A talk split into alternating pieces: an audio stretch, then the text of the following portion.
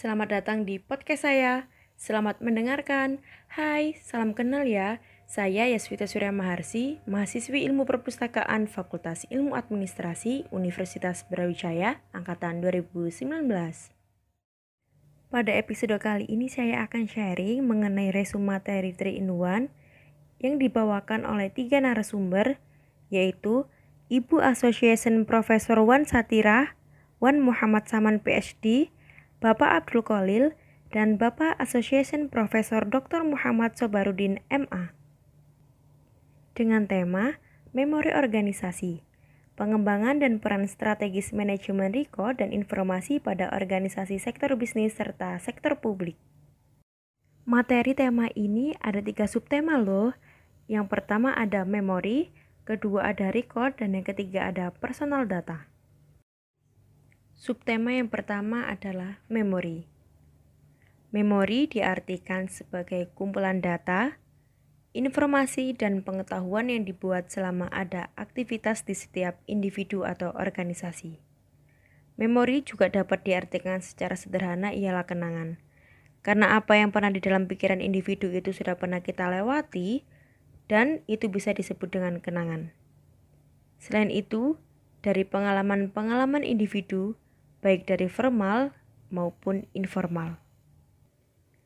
Arti memori organisasi atau perusahaan menurut Kenneth A. McGill adalah informasi yang dihasilkan organisasi yang bernilai untuk digunakan kembali.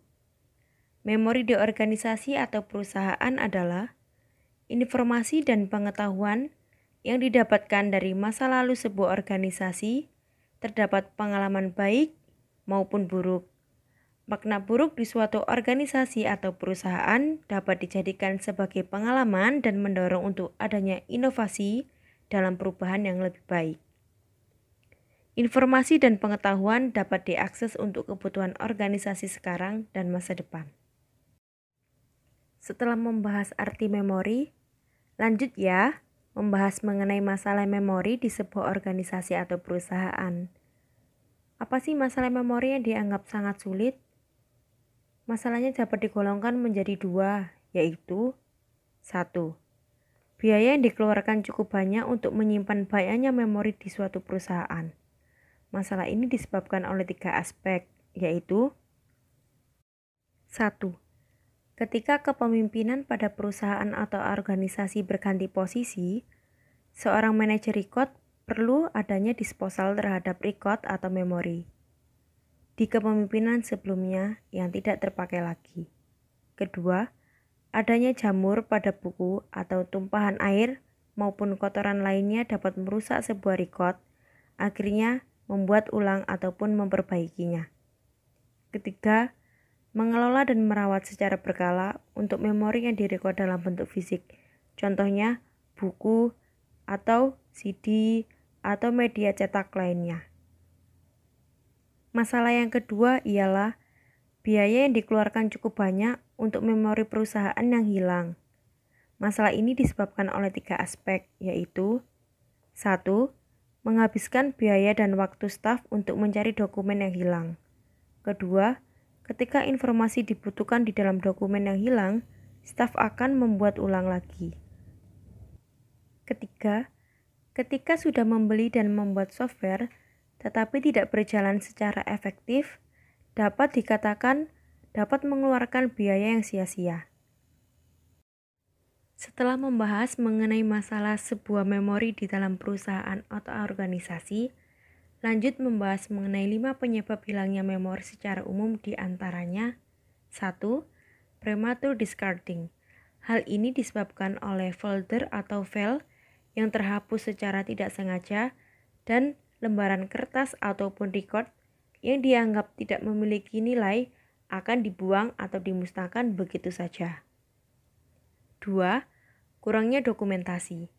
Hal ini disebabkan oleh kegagalan untuk mendokumentasikan tindakan di suatu organisasi dan tidak memiliki prosedur yang jelas untuk menangkap dan mengambil percakapan yang penting. Ketiga, tidak membuang record atau memusnahkan record yang sudah dianggap tidak dipakai. Hal ini disebabkan oleh digital environment atau menyimpan terlalu banyak dokumen dan versi dokumen yang berbeda-beda dan juga dokumentasi sering kali disimpan tanpa memutuskan apakah dokumen itu tersedia di dalamnya. Yang keempat, hilangnya media. Hal ini disebabkan oleh adanya kombinasi perubahan software dan hardware yang mengakibatkan perangkat lunak mengalami revisi atau upgrade sekitar setahun sekali ataupun waktu yang tidak ditentukan. Nah, dari informasi yang disimpan di dalam situ akan terancam untuk hilang atau tidak bisa dibuka kembali. Kelima, lupa tempat untuk electronic environment. Hal ini disebabkan oleh dalam menyimpan informasi tidak dibuat cara untuk mempermudah dalam penelusuran atau pencarian. Setelah membahas mengenai masalah-masalah memori, lanjut membahas mengenai perbedaan istilah memori perusahaan dengan record management.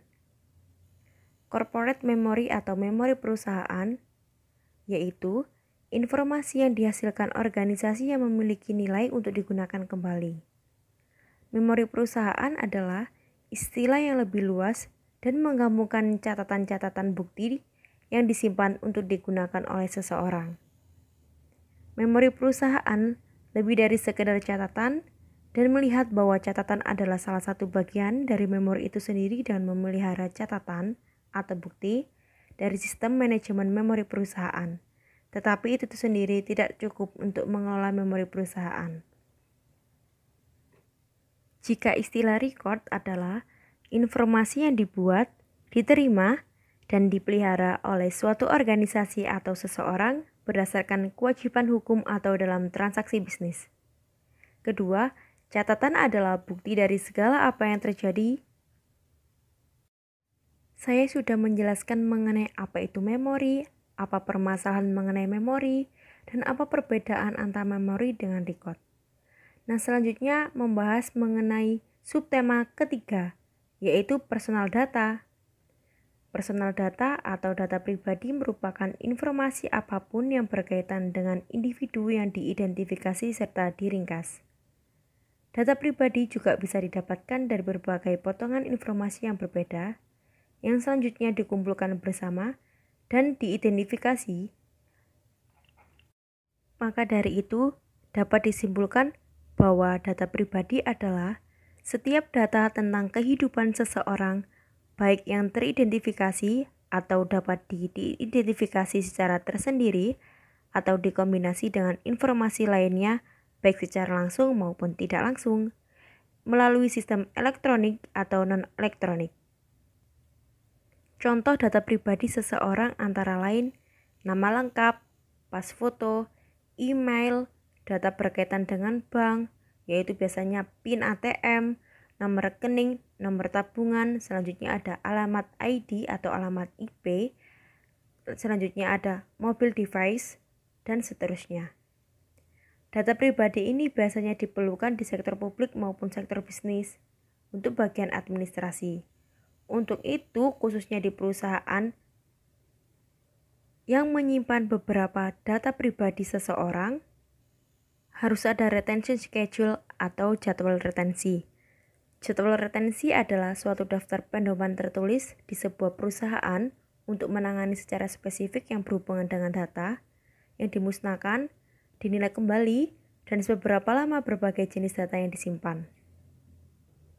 Menyinggung dengan seberapa lama berbagai jenis data yang disimpan, ada prinsip 5 kelima dalam GDPR atau General Data Protection Regulation atau biasa disebut dengan GDPR atau Regulasi Umum Perlindungan Data menyatakan bahwa data pribadi hanya boleh disimpan selama waktu yang diperlukan. Perusahaan menyimpan data untuk waktu lama dianggap sebagai ide yang buruk. Selain data menjadi kurang aktual atau lebih akurat, seiring lamanya waktu disimpan ada juga masalah keamanan terhadap individu yang bersangkutan karena dapat adanya risiko pembobolan sistem. Di akhir podcast ini, saya akan memberikan pantun untuk para pendengar podcast saya. Dengerin ya. Hehehehe. Bunga mengkar di perbukitan. Sawah luas di pedesaan. Terima kasih sudah mendengarkan. Mohon maaf atas kesalahan. Eh, sebentar-sebentar ada satu pantun lagi nih. Dengerin ya. Dari irian banyak burung cendrawasih. roti mengembang diberi ragi. Cukup sekian, terima kasih. Semoga esok berjumpa lagi. Bye bye.